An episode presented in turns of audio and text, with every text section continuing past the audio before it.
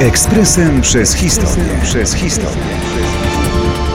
16 stycznia 1919 roku Ignacy Jan Paderewski został mianowany premierem, a także ministrem spraw zagranicznych.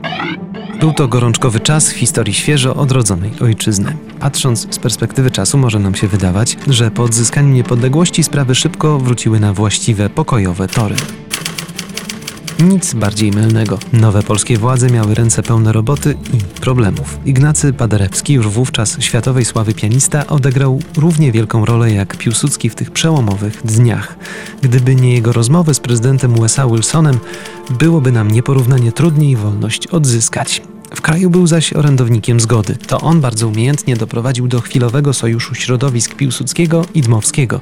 W tym najważniejszym momencie Polacy byli razem, także dzięki sile charakteru wybitnego muzyka. Co równie istotne, to właśnie Paderewski pojawił się obok Dmowskiego jako delegat pełnomocny na konferencji pokojowej w Paryżu, której efektem było podpisanie traktatu wersalskiego, który formalnie kończył I wojnę światową.